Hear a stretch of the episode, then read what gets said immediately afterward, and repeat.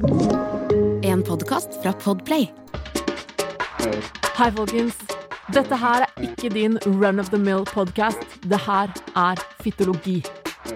Jeg er Maria Moen. I'm her. I'm she. You're pretty,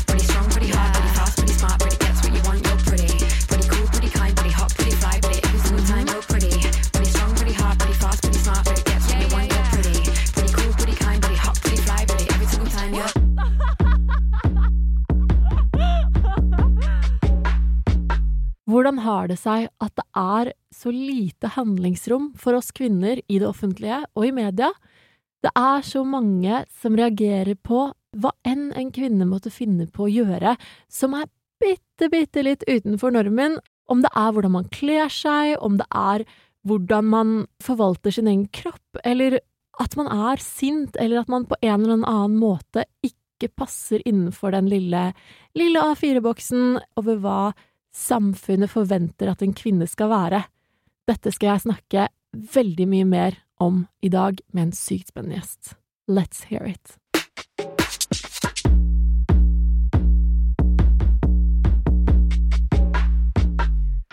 Hei, alle sammen. Velkommen til dagens episode av Fytologi. I dag har jeg med en ekstremt spennende gjest som jeg har gledet meg til å prate med.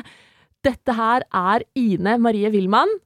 Hun er kjent for eh, rollen som nå nylig Celine i Exit, og også som Sonja i filmen om Sonja hennes liv. Velkommen, Ine. Tusen takk. det er så kult å ha deg her. Først vil jeg gjerne spørre deg om hvem er Ine?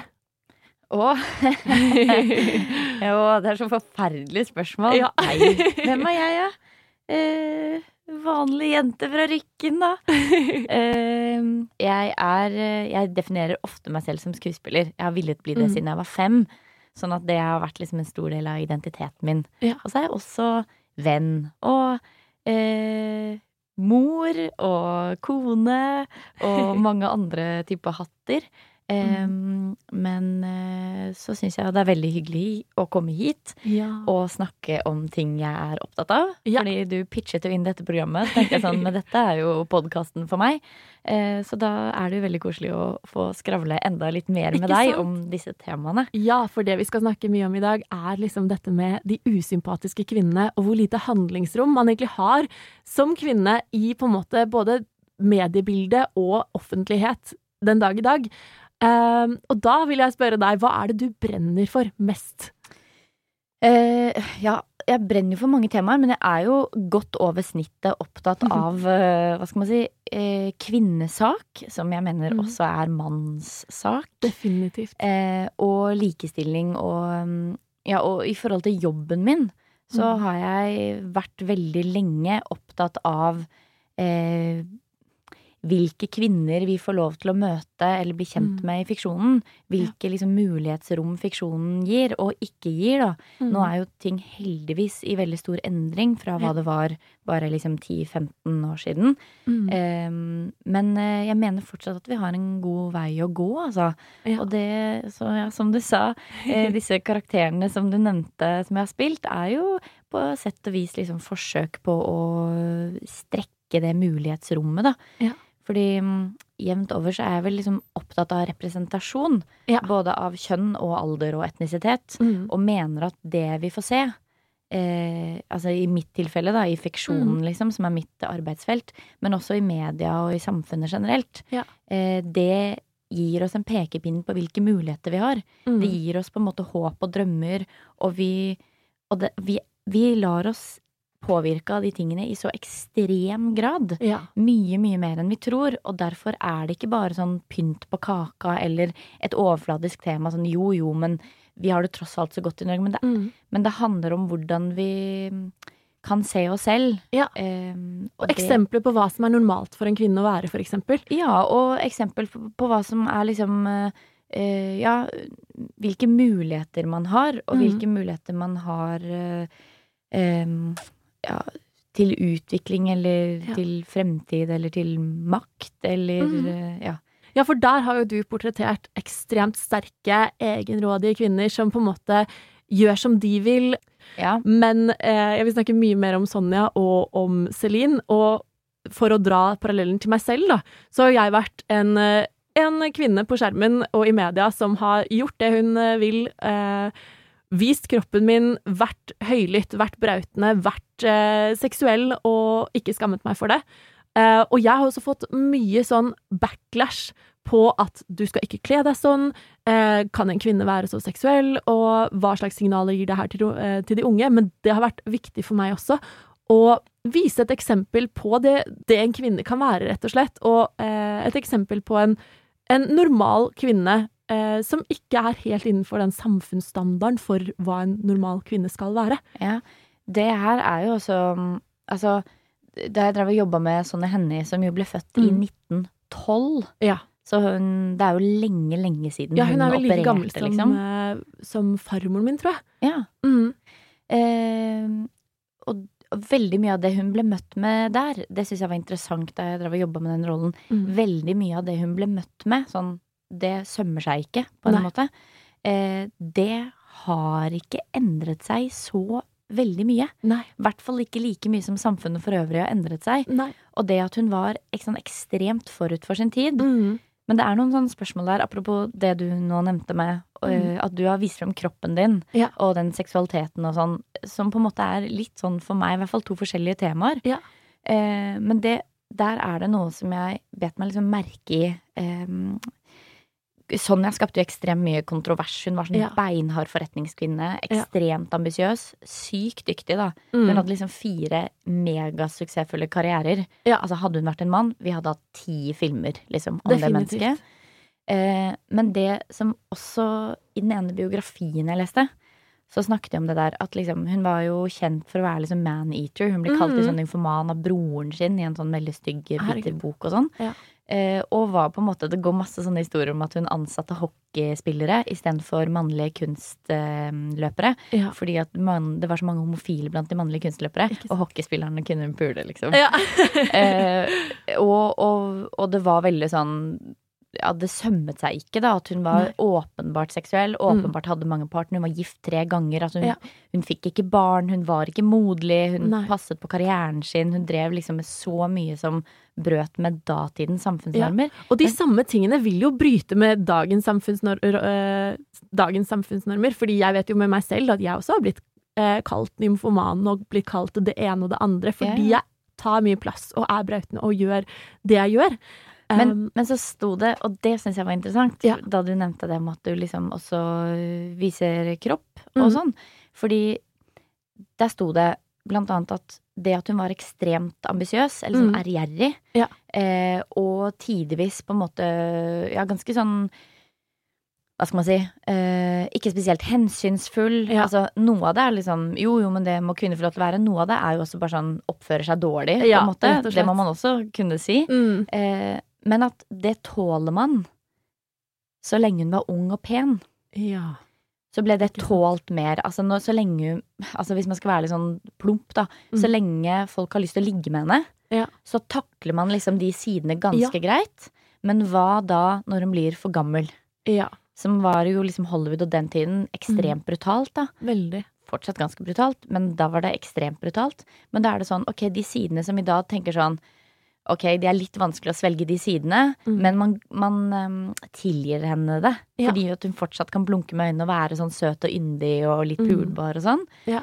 Men den dagen hun slutter å være søt og yndig, da syns vi de sidene bare er stygge. Ja. Da er den ærgjerrigheten eller de ambisjonene det, altså, da, er måte, da blir ting bare griskt og Mm. kaldt og Så det syns jeg er interessant med det der at Mm. du eh, på en måte ja, Vi har jo snakket litt om det liksom off, men, men det at du eh, på en måte gjør deg selv ved å være Mm. liksom Det sier sånn braut Du vil liksom brøyte deg eller brøyte kvinner mer plass, Ja. på et eller annet vis. Det, ja. Jeg opplever at det er det som på en måte er prosjektet ditt. Mm. Men du gjør det samtidig litt grann lettere å svelge ved at du, ved at du samtidig på en måte eh, ja, er ung og attraktiv og er liksom de tingene der, da. Sånn at Mm. eh, Det er lettere å svelge for de rundt. Ja, lettere Ja. å svelge for de rundt, og for hva skal man si, den klassiske mannen med mm. makt, da. Ja. Eh, så det er jo også spennende Spennende hvordan det kommer til å liksom påvirke hvis du føler at de tingene begynner å glippe, eller når, hvis samfunnet begynner å fortelle at du ikke lenger har de tingene, Nemlig. hva da? Ja, fordi jeg er jo veldig, veldig opptatt av eh, feminisme, eh, og det der med at eh, hvis, du ikke, hvis du kun respekterer de kvinnene du vil ha sex med, Mm. så respekterer du ikke kvinner. Hvis du kun respekterer kvinner innenfor en viss norm, eh, og hvis du ikke respekterer transkvinner, for eksempel, Mm. så respekterer du ikke kvinner. Eh, og jeg er kanskje heldig som har, em, ha, er ung og, og er em, attraktiv, eller konvensjonelt attraktiv, eh, sånn at jeg på en måte kommer litt unna med, med disse tingene. Men det er veldig viktig for meg å, å bruke det her til å være en stemme for alle kvinner, eh, slik at vi får At vi rett og slett får litt mer spillerom til å være oss selv. Mm. Og Mm, Også de dårlige sidene av oss selv, da. også de dårligste sidene av oss selv. Jeg, jeg er veldig sånn eh, interessert i det at vi er, vi er hele mennesker, alle sammen, og vi er eh, Vi er jo bundet av masse samfunnsnormer, spesielt her i Vesten, og spesielt i Norge, eh, om at liksom det normale, det, det som på en måte er svelgbart, det er bare det er kanskje bare 10% av dem vi faktisk er. Mm. Og så har det vært veldig viktig for meg å vise mine sterke følelser, og vise mine sterke reaksjoner, for å vise at dette her er også et normalt eksempel. Det, er kanskje ikke, det gjelder kanskje ikke alle, men det gjelder noen. Mm. Eh, og så lenge det er normalt for noen, så bør det være mer akseptert for alle. Og man kan jo snakke om eh, dette med de usympatiske kvinnene, fordi jeg ble jo kjempe, jeg ble jo bergtatt av den artikkelen du hadde i VG om at du snakket om Celine i Exit, som er så lett å mislike. Mm. For det du sa, rett og slett, i den, eh, det intervjuet, var jo det at eh, disse mennene som kommer unna med å være eh, De kjøper horer, de driver med kriminalitet og dop. Eh, og det er så mye lettere å svelge enn en kvinne som på en måte reagerer sterkt, og er typisk eh, litt mer kald, usympatisk, avvisende og sånne ting. Mm. For det vi har snakket litt om også, eh, når vi har prata på telefon, er Mm. jo det der med den type sårbarheten og de type reaksjonene. Og du lærte meg jo et nytt begrep, som er mitt nye favorittbegrep, eh, som er det som kalles hard, Hard sårbarhet. sårbarhet. Yes! Mm. Ja, for det er jo Det har vært litt sånn derre Altså eh, Reaksjonene på den eh, første sesongen Jeg er jo Mm. i veldig stor grad på en måte enig i at uh, hun tidvis er uh, altså skikkelig usympatisk. Ja. Um, og det Og så husker jeg at jeg, jeg hørte Jeg ble tipset om å høre på Seriepodden, hvor de diskuterte Exit eh, første Ja. sesongen. Og så snakker de liksom masse om serien og sånn, og så avslutter de liksom hele podden med å si sånn Å, men hun Celine, fy faen, hun er så jævlig! Gud! Og bare, å, og liksom sånn på en, på en måte, på en gøy måte, da. Ja. Og en liten, altså skuespilleren Ine tenkte Mm. sånn yes, så jævlig gøy. Ja. Og jeg føler meg veldig annerledes enn den karakteren. Jeg føler liksom, Ja. wow, Det har jo på en måte klart å skape et menneske som Mm. ehm, ja, som noen gjenkjenner sånn Å, det er akkurat sånn de er, og hun er Ja. så iskald og jævlig og sånn. Ja. Men de sier også hun er den jævligste av dem alle. Og så husker jeg Ja, at jeg liksom først syntes det er liksom gøy, og så tenkte jeg sånn Men det er interessant. Mm. Hun er eh, liksom da Hun møter ikke mannen sin med den omsorgen som man Nei. forventer at hun skal gjøre når han prøver å ta sitt eget liv. Mm. Eh, hun er også kanskje liksom kald overfor de barna, hun virker liksom Og hun virker jo liksom kjip i mange situasjoner. Mm. Herregud. Men så ble jeg liksom Men det er interessant at man syns at det at hun er sånn, Mm. det gjør henne verre enn de mennene som da ikke har kontakt med barna sine omtrent. De lever dobbeltliv, de kjøper mennesker. Altså de har Mm. holdninger og en livsførsel som bare ikke ligner grisen. Ja. Men vi syns hun er bare Hun er så jævlig, liksom. ja, og det er så sjukt, det. Fordi Og det samme med Sonja. mm. At det var liksom Det var anmeldelser som var sånn Hun er et egoistisk monster. Og så ble jeg sånn Det er ikke det den filmen viser. Nei. Den filmen viser ikke et egoistisk monster. Nei. Og da var jeg i noen sånn samtale hvor det er også bare så tydelig for meg at vi er så lite trent i å lese I å lese en sånn type kompleksitet i en Mhm. kvinne, fordi vi er ikke så vant til å bli eksponert for det. Nei. Altså, alt det der fins i, i oss alle, på en måte. Nemlig. Og det er jo noe av det grunnen til at jeg ville være skuespiller, og Ja. prøver å ta frem liksom de der små, ekle tingene i seg selv. Det derre lille redde mennesket, eller det Mm. Ja. ekle mennesket, eller alt det der som man prøver å skjule som privatperson. Ja. Jeg vil jo gjerne at karakterene mine skal ha det. Mm. Fordi når jeg ser karakterer som har det, Mm. så skjønner jeg at det er noen andre som har det litt sånn som meg. Ikke Det der sant? som jeg prøver å skjule, og som jeg skammer meg over at jeg har, da, se, da får jeg se det, og så føler jeg meg litt mindre alene i verden. Ikke sant? Og det er det som er så flott med det, fordi som du sier, vi har jo alle noen sånne iboende stygge kvaliteter, eh, og det har jo både menn og kvinner, det er jo ingen som er på en måte perfekt, Mm -mm. men vi er så utrolig på en måte opptrent i å kun på en måte fremstå som den perfekte versjonen av oss selv, og det er jo altså mye den harde sårbarheten, det der å reagere med kaldhet og avvisning og Um, og sånn, det, er jo, det kommer jo ofte av en sånn slags undertrykkethet i deg selv. Eh, Absolutt. Og jeg diskuterer jo eh, karakterene mine eh, Mm. stort sett eh, med en eh, venninne av meg, eh, Tonje Mo, som er psykolog. Mm. eh, som er ekstremt klok, syns jeg. Og vi har det Ja. veldig gøy med å liksom diskutere karakterene mine som om de var en case. Ja, Hvordan blir man sånn, eller hvordan Hva kommer av at man reagerer sånn i en situasjon, eller liksom hva, hva er traumene til dette Ja. mennesket, på et vis? Um, men det hun sa etter For jeg var litt sånn lei meg etter noen av de tilbakemeldingene på Sonja, fordi Mm. jeg digger jo Sonja. Ja. Altså, hun, har virkelig sider som er vanskelig å svelge, tror jeg. Jeg tror hun Ja. hadde det. Men så har hun også masse fantastisk, og bare mm. hele vesenet. Jeg bare syns hun er utrolig fascinerende. Ja, for det er jo sånne typiske kvaliteter som menn blir applaudert opp i skyene for, uansett alder, uansett utseende. Eh, men det er så vanskelig å Ja. svelge når man er kvinne, liksom. Ja, og så er det Eller så Det er jo ikke, altså, det er ikke sånn at man liker usympatiske menn, men man, man på en måte er mer trent i å lese inn sånn Ok, hvis en mann oppfører seg helt Mm. forferdelig, Ja. eh, så er vi på en måte litt mer trent, fordi vi har Mm. sett mange flere eksempler på Ja. ulike sånne type aspekter da, hos Det er litt menn. det at det er, det er på en måte kulere for menn å være en drittsekk enn det er å vise følelser. Ja, og vi har sett så mange eksempler på, så vi klarer å si sånn jo, jo, men han hadde en vanskelig barndom. Ja. Du ser at han reagerer sånn fordi han egentlig er redd og ikke har Ja. noe andre. Men vi er ikke så trent i å lese inn den type kompleksitet i kvinner. Nei. Fordi vi har ikke sett så mange eksempler på det, rett og slett. Eh, og, det, og det har liksom blitt litt sånn her hjertesak for meg. Og hun, Mm. psykologvenninnen min, snakket om denne harde sårbarheten. Som hun sier at den er jo vanskelig fordi den ikke appellerer til folks empati. Nei. Man får ikke lyst til å ta vare på et menneske som oppfører seg skikkelig dårlig mot deg. Nei. Er liksom avvisende eller liksom veldig destruktiv Ja. og kald og sint. Ja, og alle sint de der spesielt. følelsene der, Ja. de, vil, de er veldig slitsomme for omverdenen. Ja, for da, jeg, da må jeg skyte inn, for det er jo sånn jeg har vært, eh, blant annet på TV. Ja. Eh, og så har jeg jo fått mye reaksjoner på Altså, jeg skjønner jo at du blir, blir lei deg og sånn, men du får jo ingen sympati når du holder på sånn som du gjør.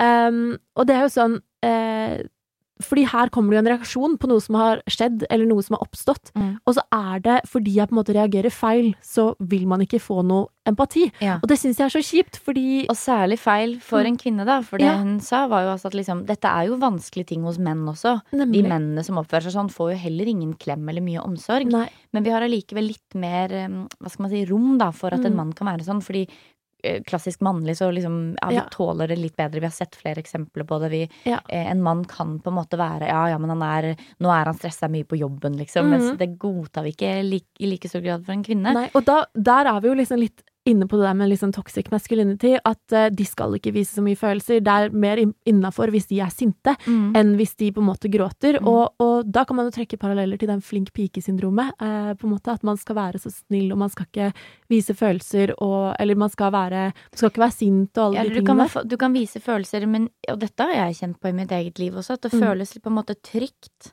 Mm. Det føles utrolig mye mindre kontrollert og veldig, veldig mye mer utrygt de gangene jeg eh, på en måte har klart da, å Mm. bli sint for noe. Det føles Mm. utrolig mye mer sårbart. Ja. Jeg er ikke trent i at jeg kan bli sint eller oppføre meg dårlig, og at noen Mm. kan like meg allikevel. Nei, Sånn sant. at jeg tror at hvis jeg på en måte Jeg kjenner Det føles i hvert fall sånn. Mm. At hvis jeg viser sånne sider, da tenker jeg at nå Nå er jeg, nå er jeg eh, liksom ikke mulig å tåle. Nemlig. Mens eh, så lenge jeg på en måte kan holde meg innenfor en slags sånn myk sårbarhet, da. Mm. Det er jo ikke så bevisst, selvsagt, men, men ganske sånn grunnleggende, tror jeg, mye mange av oss.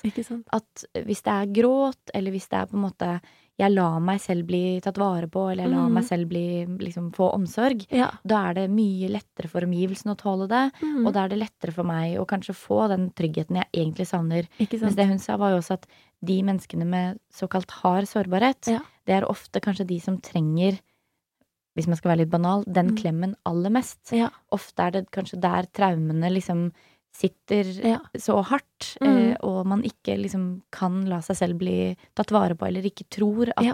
noen ønsker å ta vare på deg, eller du på en måte forsvarer deg Det på blir en en annen måte. forsvarsmekanisme, eh, og der kan man jo snakke om det der med å innta en offerrolle eller ikke. Mm. Det er jo kanskje litt det det handler om òg, at det er mye lettere å på en måte vise omsorg for noen som er i en offerrolle, enn noen som blir iskald og hard og sint og dytter alle unna seg. Ja, og hvis man ikke har så mye omsorg for seg selv, da. Mm. Hvis man ikke er så god på liksom egenomsorg, eller eh, Da kan det også være ekstremt hardt, og, eller Mm. bare ekstremt vanskelig å skulle ta imot det fra noen andre. Nemlig. Så hvis noen da ser på deg med medlidenhet, eller noen Mm. ønsker å ta vare på deg, det skal du faen ikke ha. Nei. For det tror du ikke at du fortjener uansett. Så Mm. bare, du vil ikke ha de følelsene. Nei. Ikke hos deg selv, du vil ikke se det hos noen andre. Du Nemlig. avviser det. Mm. Selv om det kanskje ikke er egentlig Det er ikke sånn så mest- konstruktivt, Nei, på en men det er veldig, veldig, veldig menneskelig. Ja.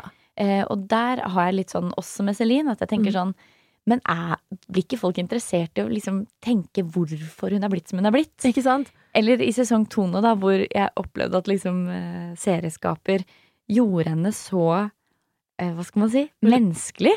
Ja. Eh, eller man ble liksom bedre kjent med henne. Men på et tidspunkt så sa jeg sånn Jo, men jeg vil ikke at det skal være sånn at de mennene får fortsette å være liksom gærne psykopater, og at vi Mm. elsker å hate dem, Ja. mens kvinnene blir nødt til å bli liksom de som vi skal føle med, og tenke at Ja. jo, men egentlig, nå er hun ødelagt av livsstilen av mannen, men Mm. deep down er hun varm, Ja. da er hun snill, Ja. hun liksom hun, Hvis hun hadde blitt tatt vare på på en annen måte, så hadde hun vært varm og snill og god, Mm. eh, og en som meg.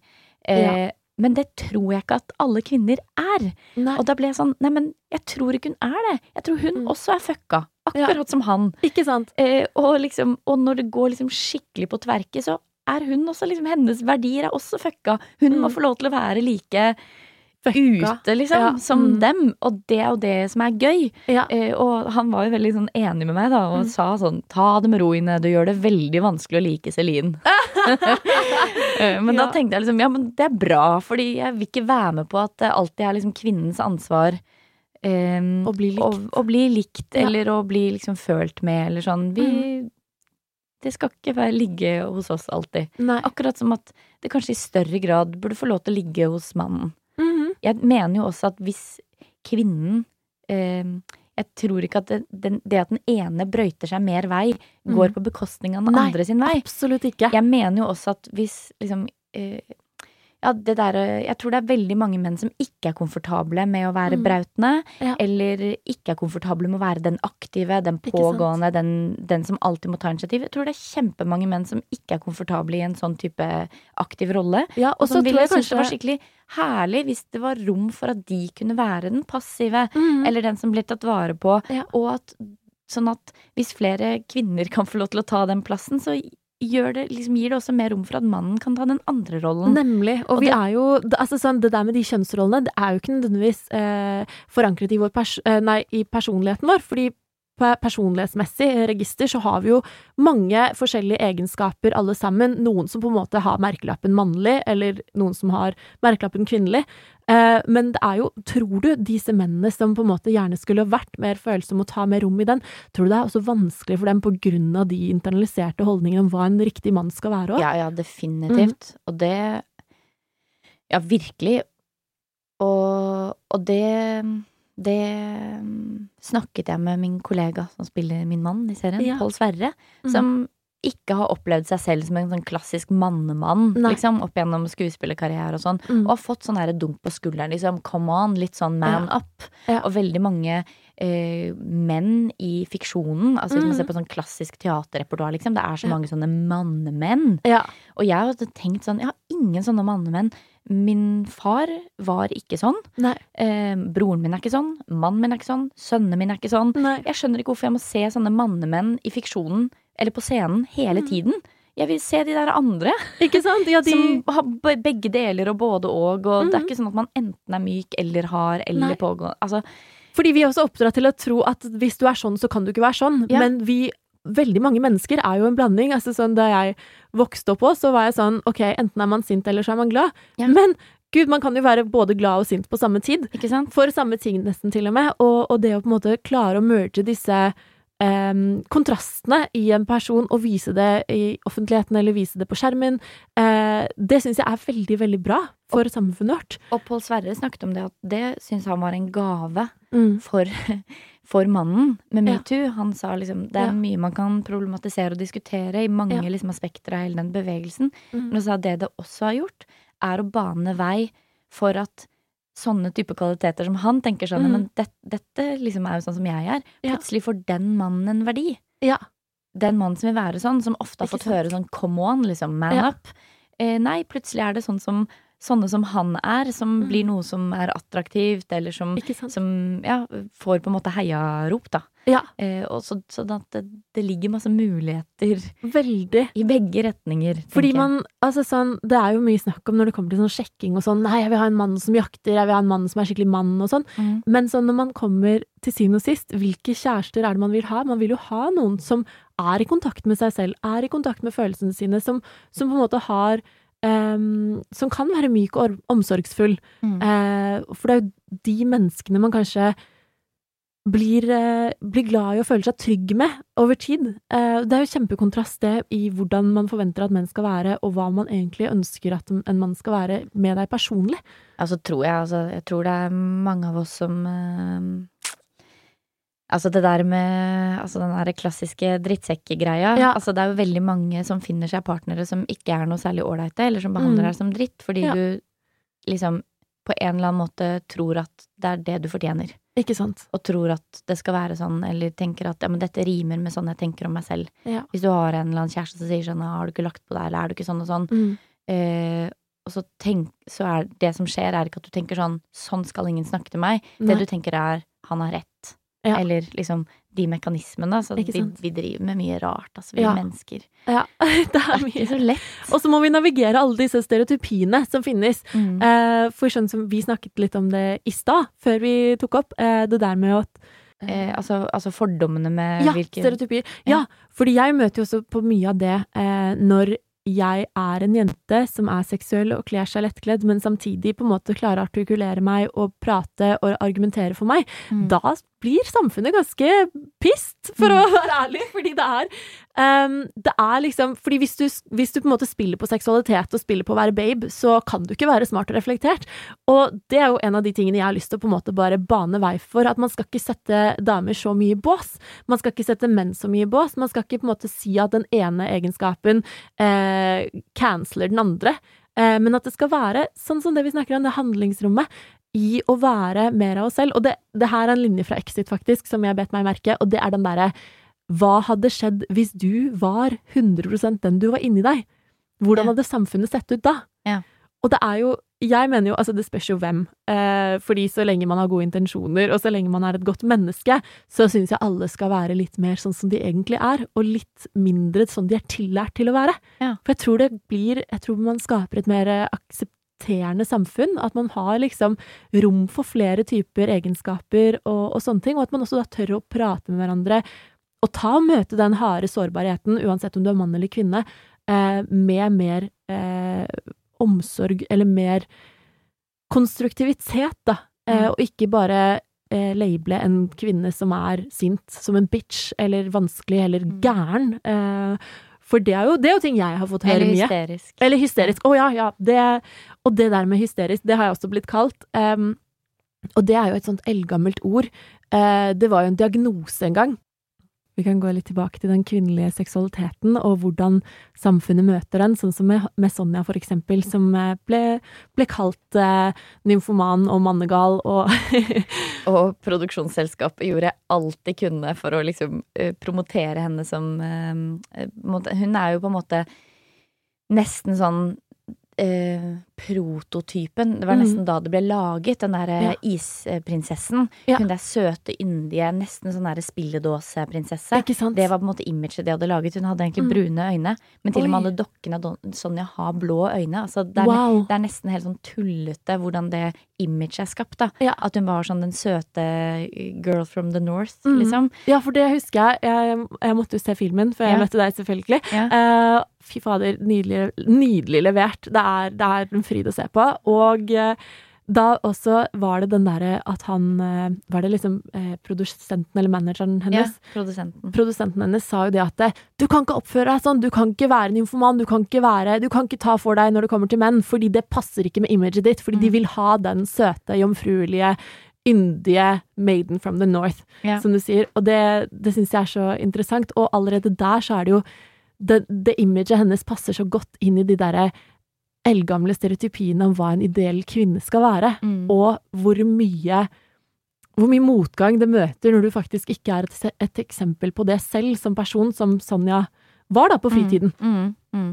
Ja, ja, det var eh, Og nei, det derre hore-madonna-greiene, det lever liksom i beste velgående. Ja. Men vi snakket jo også litt om den derre Ja, på en måte gjør det jo det, og så er det jo samtidig en veldig, veldig sånn Hva skal man si seksualisering Ja, i samfunnet.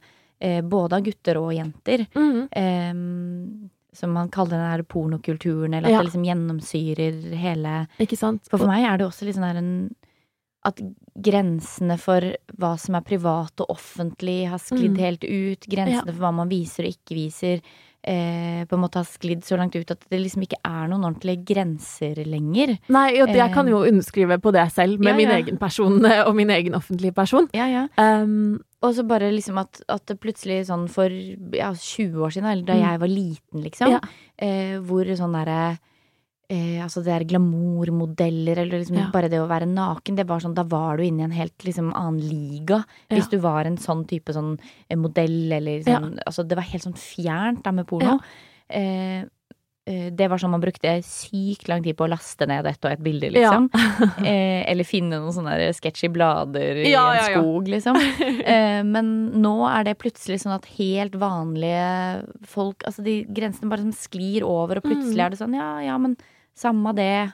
Ja. Det er jo der uansett. Alle driver med det. Det er nakenhet overalt. Det er ingen Ja. som liksom ler på et øyebryn når man ser Mm. det. Så det liksom Det har på en måte mistet uh, sin verdi, og fått veldig, veldig stor verdi samtidig. samtidig. Ja. det er veldig rart. Og, og jeg er jo veldig Altså Personlig er jeg jo glad for at uh, folk er mer friere og viser kroppen sin, men så lenge det er på en måte i takt med deres egne grenser, og som du og jeg har snakket litt om uh, før denne samtalen også, Mm. at er det da at du spiller det patriarkiets eh, sexsymbolrolle for å på en måte gagne samfunnet, eller er det den du egentlig er? Ja, og hvordan skal man vite det selv? For vi Ja. er jo så påvirket av alt det som er rundt Mm. oss, og alle idealene, liksom. Ja. Så når alle jenter, eller gutter da, eller liksom sitter og sier sånn, men det er mitt individuelle valg, Ja. men samtidig så viser man jo en type nakenhet som ligner på den nakenheten som alle andre viser. Mm. Man viser en form for seksuell frigjøring som ligner på den seksuelle frigjøringen som alle andre viser, eller som man ser i hele den pornokulturen. Er, den, er vi da egentlig fri? Er den seksualiteten egentlig fri? Mm. Er det helt fritt og helt naturlig og helt avslappet å vise den kroppen? Ikke sånn? Eh, jeg tror at man tror det, Ja. men jeg, bare, jeg syns vi snakker for lite om de strukturene Ja, eh, som gjør at, at Jeg tenkte på det da vi snakket i stad også, som gjør at liksom For på en måte så, så digger jeg jo Jeg digger at man, Mm. sånn som du sa, sånn, det, det var ikke kvinnekamp i utgangspunktet, det du Nei, gjorde i det huset. nemlig. Det var på en måte Paradise Hotel. Ja. Eh, men idet du får masse masse reaksjoner og Ja. begynner å måtte forsvare din egen seksualitet, Ja. eller det at folk syns det er Eller at de andre, i hvert fall hva jeg leste, at de andre jentene hadde blitt så ukomfortable, eh, mens, liksom, mens han fikk en high five. Med en gang man begynner å snakke om de strukturene. Ja, for det var ingen som nevnte Alex, da, som var han som gikk Ja. ned på meg. Eh, Det var ingen som snakket om han. Nei. Ingen. Det syns ingen var sjokkerende at han gjorde, Nei, liksom, men alle syntes det var sjokkerende at du tok imot det. Ja, og jeg ble, jeg ble jo kalt vulgær, og jeg ble bedt om å dekke meg til, men altså sånn, hvis man ser på det klippet, så har jeg faktisk på meg kjole. Hva mer skal jeg ha på meg liksom 30 varmegrader? Ja, men, sånn, så, sånn at den debatten som Mm. kommer etterpå, liksom, den syns jeg er utrolig interessant. Fordi det har jeg tenkt masse på også når man snakker om hele den kulturen med liksom Mm. nakenbilder, med, sex, med liksom russebusser, Ja. hele den seksualiteten til jenter hvor jeg bare tenker sånn, man snakker jo ingen altså, Snakker vi nok om hvordan jenter skal bli kjent med sin egen nytelse? Og hva sex kan være for dem, og at Mm. de også kan ha sex fordi det er godt, og Mm. kjenne på grensene sine 'dette vil jeg, dette vil jeg ikke'. Ikke? At man på en måte bare er med på sånn kjør og ser så Mm. mye om hva, hva på en måte man skal og ikke skal gjøre, og skal og ikke skal like. At vi på en måte får en hel sånn generasjon som på en måte ikke ikke finner ut av hva de egentlig vil ha og egentlig liker. Så liksom hele den nytelsesdelen, og Ja. det å snakke om liksom kvinnelig kåtskap eller Ja. sånne ting, det tenker jeg liksom er helt topp. Ja, for det er jo sånn det Folk syns Det er jo mange som føler seg litt truet når, når en kvinne er åpenbart kåt. Og det som skapte mye furore, var at jeg var der og, og nøt det. Eh, og jeg er jo nå 28 år gammel, har blitt kjent med min egen seksualitet i mange år. Eh, og, og jeg kjenner veldig godt mine egne grenser, men det har jo ikke alltid vært sånn. Og grensene flytter seg hele tiden, Mm. og enten til mer åpenhet eller mer lukkethet. Eh, og for meg var det veldig viktig å si og kommunisere det at det, selv om jeg gjør dette på TV, eh, så er ikke det et ideal. Det er ikke sånn du som kvinne skal være, for du må finne dine egne grenser. Men samtidig da, så tenker jeg Altså, jeg har jo fått veldig Jeg syns jo du er en eh, supersmart og veldig, veldig kul dame. Tusen takk. Eh, og samtidig så tenker jeg jo at liksom Men det der at det er så mange liksom yngre enn deg, da. Ja. Eh, jenter som også ser at nå har Altså, takk Jeg syns det er veldig kult at du ønsker å lage en plattform og snakke om Mm. holdninger og snakke om disse temaene. Og samtidig så ser jo alle de jentene at måten du fikk den plattformen på, Mm. var å på en måte eh, å, eh, liksom oppfylle de kravene Ja. til? Du er superpen, du er hot på den måten, du har vært med i Paradise Hotel, Mm. du har hatt eh, på en måte offentlig sex, det er- eller vist frem seksualiteten og Mm. hatt sex på TV, Ja. og da får du en plass.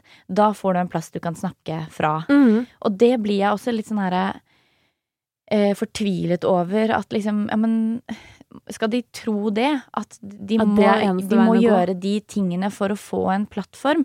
Og det det egentlig er et bevis på, er jo at Mm. det er altfor mange kvinner Nei, altfor få kvinner forskjellige typer kvinner som har en plattform.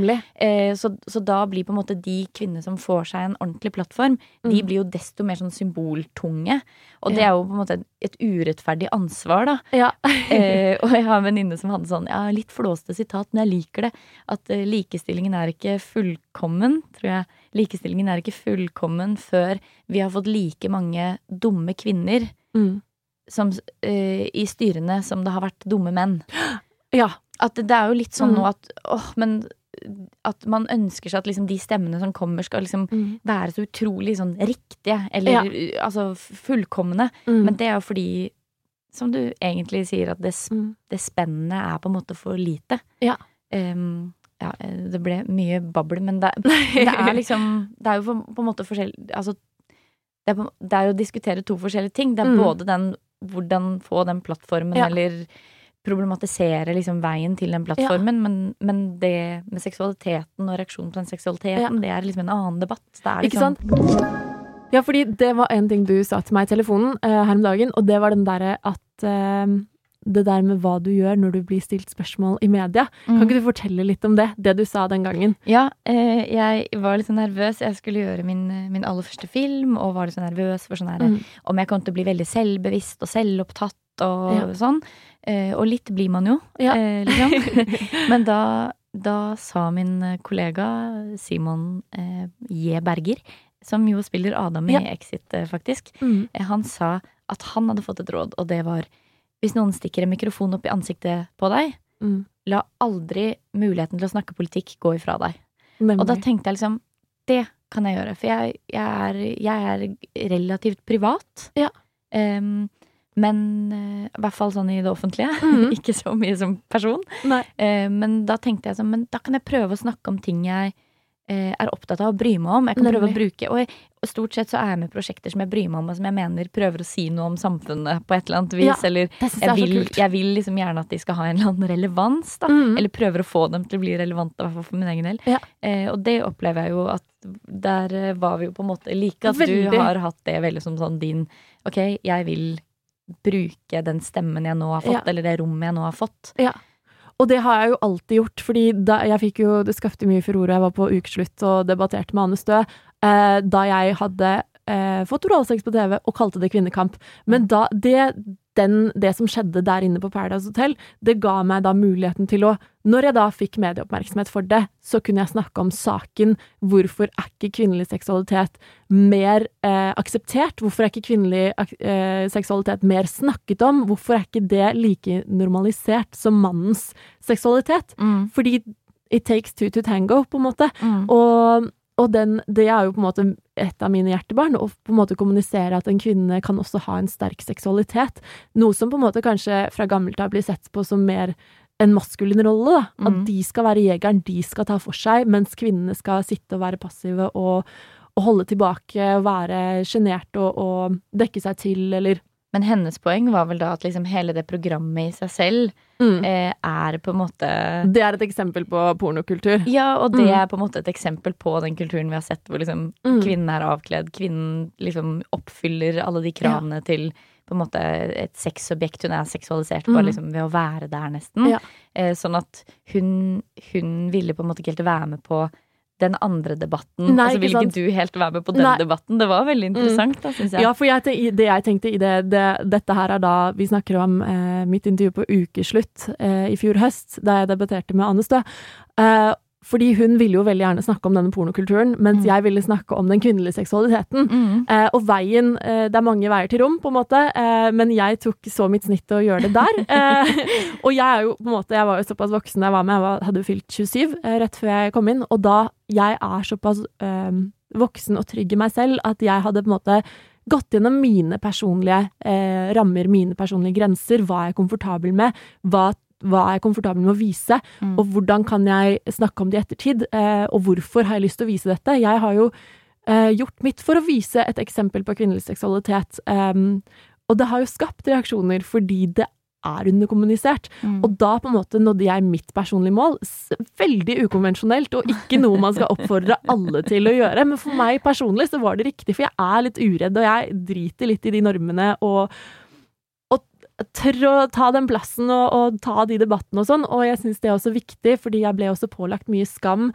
Eh, eller forsøkt pålagt skam eh, rundt det å dekke seg til, rundt det å være så seksuell, og at det er liksom For det er egentlig forventa i Medie-Norge i dag at, at kvinner skal de skal liksom angre når de har hatt sex, og de skal liksom angre når de har vist seg fram. De skal angre på, på det å være seksuell, da. Men personlig så har jeg Altså, det her er jo en eh, gjengs for veldig mange kvinner. Vi har blitt seksualisert ned i liksom 11-12-årsalderen.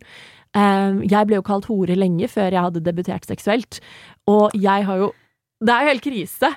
Men det er sånn gjennom oppveksten og gjennom på en måte det mannlige synet på seksualiteten, så har jo på en måte Jeg har jo latt det, da jeg var yngre, definere meg. Å nei, å nei, jeg må prøve å ikke være så pågående fordi jeg vil ikke bli kalt hore. Men så blir jeg kalt det likevel, selv om jeg ikke er seksuelt uh, aktiv eller ikke, har, ikke vet hva sex er engang omtrent. Uh, og da fant jeg ut ganske tidlig, men det tok mange år før jeg på en måte klarte å internalisere dette, da fant jeg ut veldig tidlig at um, folk vil alltid ha meninger om deg som kvinne, om din seksualitet. Så da da kan du basically gjøre det du vil, så lenge det er med samtykke og alle sånne ting, eh, fordi folk kommer til å dømme deg uansett. Og da vil jeg være det et eksempel på én type kvinnelig seksualitet, og vise det for hele, hele Norge. Um, for at liksom jenter skal tenke at ja, jeg er faktisk veldig seksuell, jeg er faktisk veldig glad i å være og flørte, jeg er faktisk veldig kåt av meg. Mm. Og da skal ikke de føle skam hvis de er et eksempel på det samme jeg har vist. Fordi jeg manglet å se den jenta som gjorde og var stolt av det, da jeg var yngre. Ehm, fordi gutter kan i mye høyere grad være stolt av sine seksuelle erobringer, eh, sin seksualitet. For det der er liksom nesten litt sånn rart at det ikke har kommet lenger. Det der Ja. at liksom man fortsatt snakker så lite om kvinnelig lyst og kvinnelig Nemlig. kåtskap. Og, og det har jo liksom historisk sett også vært veldig mye bevis på liksom Mm. den kvinnelige frie seksualiteten. At den virker liksom truende på hele mm, samfunnsstrukturen. Ja. At liksom, det er jo noen som har hevdet det. Jeg lurer på om det er Wenche Mülleisen, som er kjønnsforsker og Ja. performanceartist og sånn. Kult. Eh, hun eh, Jeg tror det er hun som nevner det. Eh, det der om at også kvinner i overgangsalderen Ja. At det er jo den gangen kvinner kan på en måte ha masse sex uten Mm. at det får konsekvenser. Mm. Altså, de blir ikke gravide. Hvis Nei. man skal tenke litt sånn tilbake i historien, da, hvor det var liksom krise for en kvinne å bli gravid utenfor ekteskap, eller Ja. sånne type ting. Men da kunne jo egentlig kvinnen gjøre hva hun ville uten at noen trengte å vite om det, eller uten Mhm. at det trengte å ha noen konsekvenser. Og at det i seg selv er veldig truende. Ja. For da har ikke Ja, da, da, liksom, ja, da er det fritt, da. Mm. Og at da gjelder det å på en måte finne noen andre måter å liksom undertrykke den kvinnelige seksualiteten på. Ja. Ved å eksempel da stemple en, da, en middelaldrende kvinne som Mm. usexy, Ja. eh, liksom hun er i forfall, hun er Mm. ukvinnelig, eller liksom Man må finne andre måter å liksom tøyle den seksualiteten på. Ikke sant? Si det at hun jo- er liksom ekkel. Mm, og det er jo eh, i på en måte skuespill Altså, vi kjenner jo alle til eh, Det er sikkert mange som har hørt om den debatten fra Hollywood hvor at kvinner faktisk har en utløpsdato. At Mm. de At eh, godt voksne damer eh, blir ikke representert så godt. Og, Ja, det er jo egentlig bare å se, hvis man begynner å se på liksom hva er det man ser på av Mm. serier og TV-serier og sånn, og begynner å Mm. telle. Jeg Ja. tror jeg så sånn eh, TED-talk Mm. eh, som handler om representasjon, da. Mm. Hvor hun sier at hvis du har sett hovedsakelig amerikansk film i løpet av livet, Ja. så tror jeg det er noe sånn 95% av filmene du har sett, vil Mm. ha en mannlig hvit hovedrolle. Ja. 98% vil være regissert av en mann. Ja. Det sier noe om hvilke historier som får verdi, hvilke Nemlig. historier vi blir fortalt, og hva vi er Mm. vant til å tenke på som en historie med gyldighet, liksom. Mm. Eh, og bare liksom, hvis man begynner å telle sånn, ok, hvor mange liksom Hvor mange damer på 50, eller 50 Mm. pluss, Ja. spiller hovedrollen i serier? Bare liksom, hvis man begynner å se på det. Og bare at man ikke får se noen som er Ok, hvis jeg skal tenke liksom, ok, fremtiden min om 20 år, da. Mm. Hvordan ser den ut? Jeg aner ikke, for jeg ser så å si ingen eksempler på hva det kan bety. Ikke sant? Jeg også er jo 28 nå og tenker herregud at ikke jeg kom inn i rampelyset tidligere, fordi nå har jeg ikke så mange gode år igjen, liksom. Ja, ja. Og, og så ser man jo på, på roller som for eksempel spiller mødre. Det er jo gjerne besatt av en, en, eh, av en eh, skuespiller som kanskje bare er ti eller åtte år eldre enn den personen de spiller moren til. ja, ja. Og, og det, det glorifiserer det der unge igjen, da. At du får ikke liksom age appropriate representasjon av de rollene de skal spille. Nei, Du, du skal på en måte, hvis du først skal være det, en kompleks, så skal du liksom hel, helst være litt Du skal helst være liksom attraktiv på en eller annen måte. Mm. Eh, og, og i, ungdommen er jo liksom eh, Den er en sterk, eh, sterk greie, altså. Mm. Eh, hun der som spilte Bond-dame, det er vel et par Bond-filmer siden. Ja. Det var ikke ett intervju hun gjorde som ikke handlet om at hun var en quote, gammel Bond-dame. Hvor hun var sånn Herregud. i alle intervjuer bare 'Jeg er fortsatt to år yngre enn James Bond'. Å, herregud! Men hun var over 50, da. Som Ja. var helt sånn, det var helt sånn sjokkerende for Åh. folk. Altså, sånn, tenk man skal ligge med en jevnaldrende. Æsj! Å, fy fader. Hvis du skjønner hva jeg mener. det var helt sånn sykt. Ja. Men jeg, jeg tror vi reagerer ikke så mye på det, for vi er så vant til å se det. Mm. Vi er så vant til å se hun på 35 med han på 50 i alle de amerikanske filmene. Ja. At det, det er sånn vi tror det skal være. Mm. Jeg har blitt kalt inn på en prøvefilming en gang, eh, hvor hun liksom sier at jeg skulle spille søsteren til en mannlig kollega, da. Ja. Og så sier jeg sånn å ja, ok, ja, ja, er det, er det Er det halvsøster, da, eller? Ja. Eh, nei, nei, det var det ikke. Ok, er det et poeng at det er en mye yngre Eller hva er historien, på en måte? Ja. Fordi han er jo 16 år eldre enn meg. Mm. Eh, nei, det hadde hun ikke tenkt på. Nei, ikke sant. Tenkte jeg sånn, nei. Men det er en ting jeg er kjempefor... eh, Eller som jeg så veldig godt på Exit, da. For Ja. der er det jo dere kvinnelige Dere konene Ja. eh, jo, spilles jo age appropriately. Dere er ca. like gammel som den rollefiguren dere portretterer, og Mm. det ble jeg så glad for å se. Fordi jeg hadde jo, før jeg så det, så hadde jeg nesten forventa at eh, det var liksom noen på ti år yngre. Som var 26, som skulle spille ei på 36, men her er det liksom Ja, Norge, jeg tror ikke Norge er så verst, Nei, faktisk. jeg tror- jeg her er det det er liksom eh, Ja, her er det litt annerledes. mm, Og det har jo heldigvis skjedd mye også, men det er liksom Ja. Det er eh, Nei, representasjon, altså. Kjønn og farge Mm. og alder og alt. Alder er liksom en sånn Den eh, revolusjonen har ikke kommet ennå. Nei. Men det er vi Jeg håper vi er veldig gode på vei til å komme dit.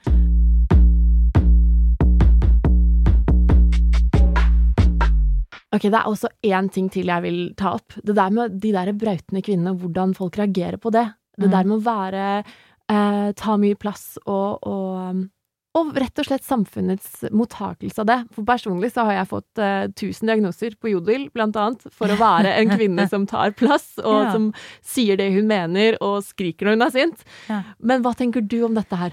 Nei, dette er veldig interessant. Altså, eh, jeg har jo på en måte alltid disse rollene jeg kan putte ting Mm. inn i. Og Ja. jeg kan liksom diskutere ting ut fra en rolle, så det er ikke meg. Du Ja. står jo mye mer sånn, hva skal man si, personlig laglig til for hugg, da. Ja. Jobben din er på en måte deg, og, og du har også vist frem deg, eller en variant av deg selv, da. Ja. Em, men det er interessant med det der med Altså, jeg, det er jo ekstremt mye støy i samfunnet i dag, Ja. sånn at eh, jeg mener ikke at det nødvendigvis er et mål om at folk skal på en måte støye så himla mye. Altså ref Trump, på en måte. Ja, nemlig. Eh, så det er ikke det at det er et mål, men sånn som jeg har forstått deg også, at det der med at det at en kvinne kan være støyende, Mm. er allikevel en kampsak, fordi at Ja. det har vi lite av. Ja. Og ja, i en sånn hav av liksom mange eh, forskjellige represent representanter, da, Ja. så burde liksom den støyende kvinnen også være en del av det. Nemlig. Og sånn som det er nå, så har vi så få representanter at da Mm. er det i hvert fall ikke plass til noe støy. Ikke sant? Men, men det der med å, å være en kvinne som tar plass og sier ifra, mm. eller blir forbanna eller sånne ting Jeg Mhm. tror ikke det er sånn at det er lett for alle menn heller, altså. Nei. Men, men eh, det er jo noe som veldig mange blir av en eller annen grunn liksom ekstra sinte for. Ja. Liksom akkurat sånn, sånn hvem, hvem tror du at du er? Hvordan våger du? Mm. Du skal liksom Du skal være liksom enda smartere, enda flinkere, enda Ja. mer sånn. Hvis du skal våge å tro at du har gjort deg fortjent til liksom plass. Ja. Du skal i hvert fall ikke brøyte deg vei, for det er Nei. veldig ukvinnelig. Mm. Eh, Jeg har, liksom, har lest der veldig sånn Jeg ser for meg hele tiden at du prøver liksom å brøyte den der med, At du kjører med sånn måkebil. Ja, og prøver, gjøre, ja, og prøver å gjøre de der veiene litt breiere, liksom. For deg selv, eller, Mm. og de som Og kommer etter deg. Ja. Men det er jo noe som da, Hvis en kvinne er sånn, da skal man i hvert fall på en måte stemple henne med noe, eller sørge for at liksom hun blir holdt tilbake, på Ja. et vis. Og Ja, det, det jo- ser man i de karakterene mine, og Sonja liksom spesielt, da, Ja, som er veldig. sånn klassisk Eller hun er veldig eksempel på det. Mm. Eh, men man, altså, også kvinner i maktposisjon, da skal de på en Mm. måte duperes på et eller annet annet område. Ja. Hvis du først Vi har jo liksom en del veldig sterke kvinneskikkelser i norsk politikk. Ja. Eh, men da, da skal det liksom De får ikke lov til å både være mektige og sexy, for eksempel. Nei. Da må du velge. Da må Ja. du være mektig, men på ingen måte spille på sex. Nei. For da blir du ikke tatt på alvor. Eh, du kan være på en måte Du skal ikke være for stygg. Du skal ikke være for ukvinnelig. Du Mm. skal heller ikke være for kvinnelig. Eh, Du skal være på mannens eh, Du skal ta på deg mannehatten, rett og slett. du skal ta på deg mannehatten, men hvis du er altfor mye mann, så blir du liksom Da, da er det også feil. Da blir man sånn jernkvinne som eh, Ja, ja, og, og da er du på en måte så uattraktiv at folk mm. begynner liksom å disse deg for det, Mhm. liksom. Ja ja, ok, så blir hun sånn, men det er fordi hun egentlig liksom burde ha fått seg noe. Eller sånn, da bruker man de herske... Altså, så det er ganske sånn smal egg, da. Veldig. Det er skikkelig, det er skikkelig sånn minefelt i hvordan være riktig kvinne i dagens samfunn. Ja, ja. Så- Og, og det er noe med det der det er altså, altså jante, for, jante for jenter. Ja. Eh, som du Jeg har også fått høre det Jeg har tenkt på det sånn i barndommen, for jeg Mm. var sånn typisk sånn Jeg, er sånn- jeg er en skravler. Ja. Men også sånn som ble engasjert og Mm. liksom tok plass i klassen, da. Ja. Eh, jeg tror ikke jeg tok plass med noe negativ energi. Nei. Men da husker jeg at jeg fikk høre særlig én gutt, og det, det tenker jeg på fortsatt. Jeg har Mm. masse skam for at jeg tar for stor plass. Jeg går Ja. veldig ofte ut fra et rom og bare tenker sånn Nå snakket jeg for mye, nå var jeg for mye, nå mente jeg for mye, Ja. nå var jeg for sånn, nå var, tok jeg for liksom, Nå var jeg for sånn kravstor, eller Mm. Jeg har masse sånn. Jeg går alltid ut og liksom Fader heller, Ja, jeg kan jeg ikke bare liksom liksom Chille litt. Ja, å være litt sånn mindre. At Mm. jeg liksom Jeg føler meg for stor, på en måte. Mm.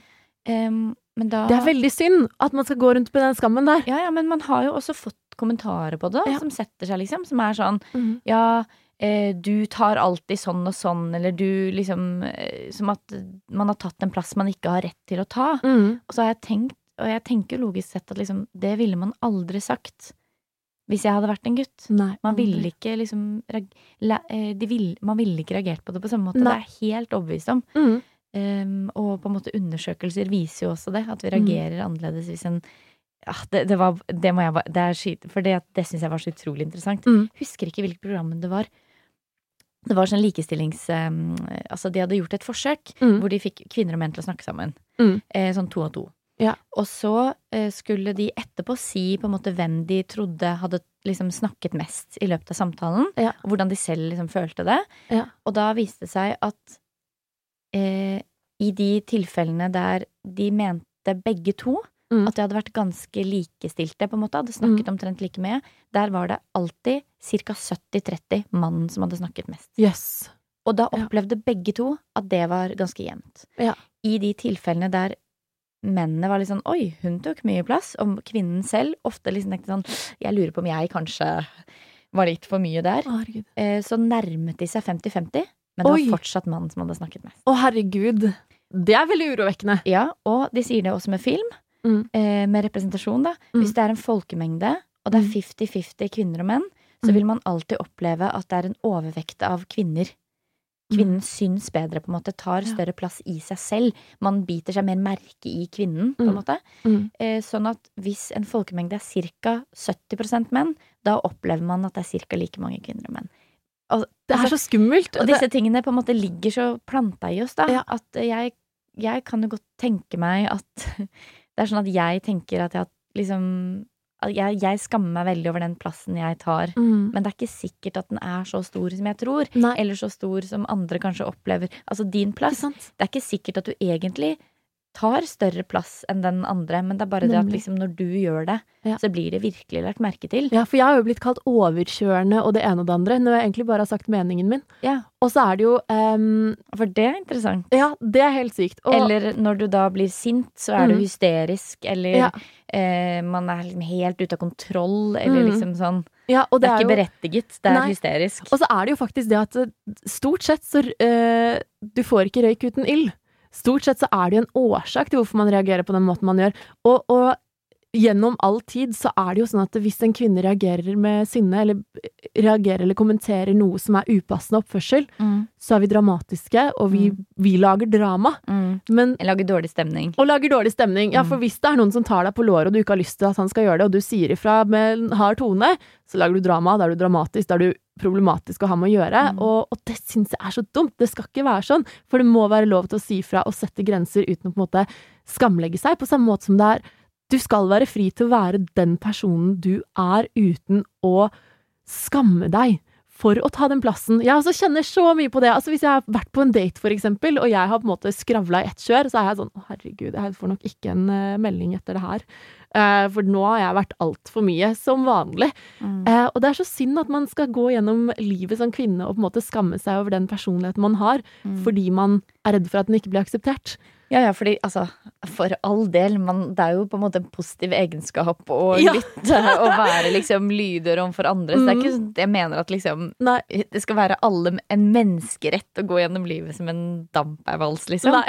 Eh, men, men den følsomheten, Mm. altså den derre overfølsomheten vi har på oss selv, eller, Ja.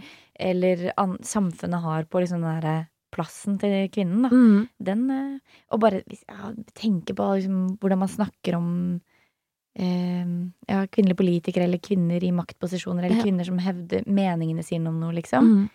Det er jo ikke Det er jo liksom ikke en hemmelighet at det er hardt for kvinner å være Ytre seg i det offentlige, liksom. Det er eh, eh, provoserende, åpenbart. Veldig. Og jeg er jo da en dame som liker å provosere på den måten, og jeg, det skaper stormer i kommentarfelt i media og sånne ting, men jeg tenker at noen må ta den jævla debatten, og noen må prate om det, noen må eh, sette det på agendaen. Og så er det jo som du sier, read the room. Eh, man skal jo eh, tilpasse seg andre, men, men det skal ikke alltid være du som på en måte legger demper på deg selv for at noen andre skal få plass. Det må på en måte være et sånn samtykke i det, at jeg aksepterer deg, og du aksepterer meg. Um, og så på en måte gjør man det sammen, da man skaper det samtalerommet på en date, for eksempel, uh, der det er akseptert at du er meningssterk, der det er akseptert at du har mye personlighet, da, eller å gi mye av deg selv. Mm. Fordi jeg elsker jo folk som brøyter på å gi mye av seg selv og tør å si det de mener om å stå for det de sier. Mm. Eh, jeg liker jo det veldig godt, for det gjenkjenner jeg meg selv veldig i. Mm. Eh, men Og det er er jo interessant at du da Mm. samtidig skammer deg over de samme egenskapene. Du liker det hos Ja. andre, men skammer deg over det samme Altså lett skam, Mhm. Skamme deg over det i deg selv, da, eller? Det er veldig rart, men også når jeg da møter disse menneskene som kjører på, så føler jeg at det er større rom for meg selv å være den jeg faktisk er. Ja, for da tenker du sånn Å, men jeg liker jo når han er sånn, eller når mm. hun er sånn. Ja. Da kanskje det er greit at jeg også er sånn. Mm. Ja. Og at da um, det blir liksom en bedre utjevning, da. Mm. Men hvis jeg er eh, sammen med noen som er veldig tilbakeholden og veldig sånn ikke sier så mye og sånn, så kan jeg fort Altså, jeg roer meg jo ned, jeg møter jo de eh, jeg møter på deres nivå også, men da kjenner jeg at da må jeg jobbe litt ekstra med meg selv for å, for å ikke bli hun der som bare er liksom høylytt og er gæren og sånn der, for at ikke folk skal bli skremt. Mm. For man vil jo ikke skremme bort folk. Man, vi er jo flokkdyr alle sammen, og vi Ja, ja. trenger connections og Ja. Så mitt, eh, mitt mål med å være den høylytte kvinnen jeg er, er jo mest for å på en måte normalisere det at vi kan være sånn også. Ja. ja.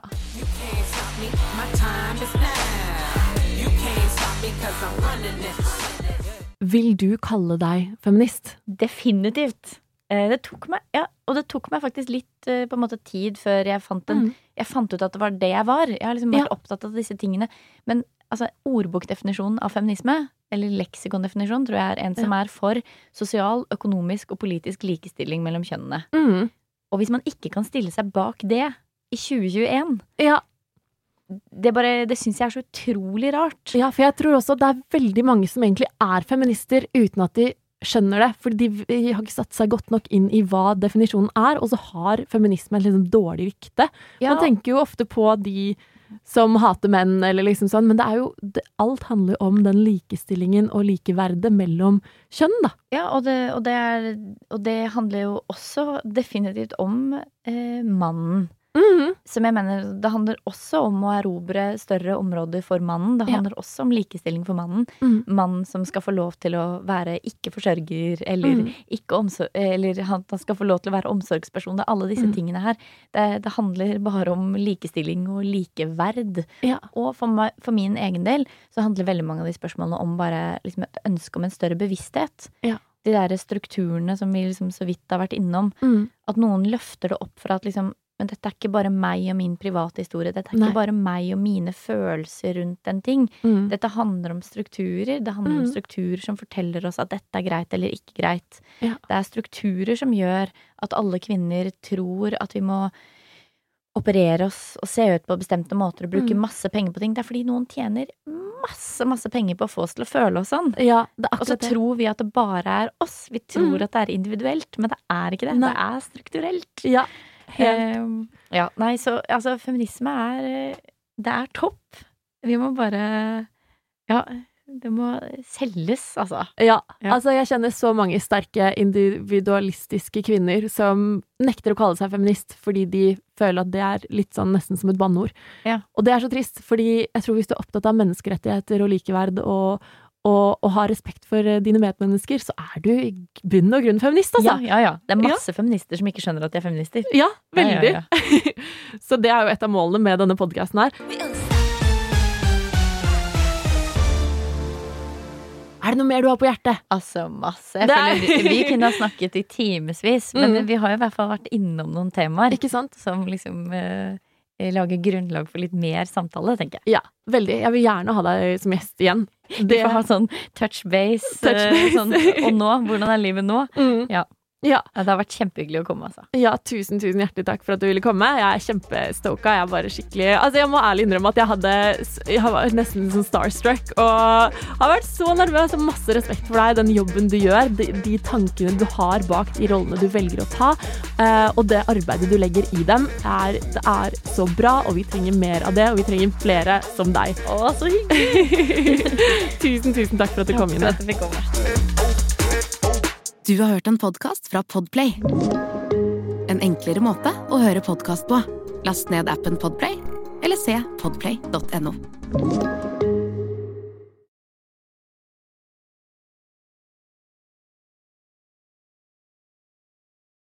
Be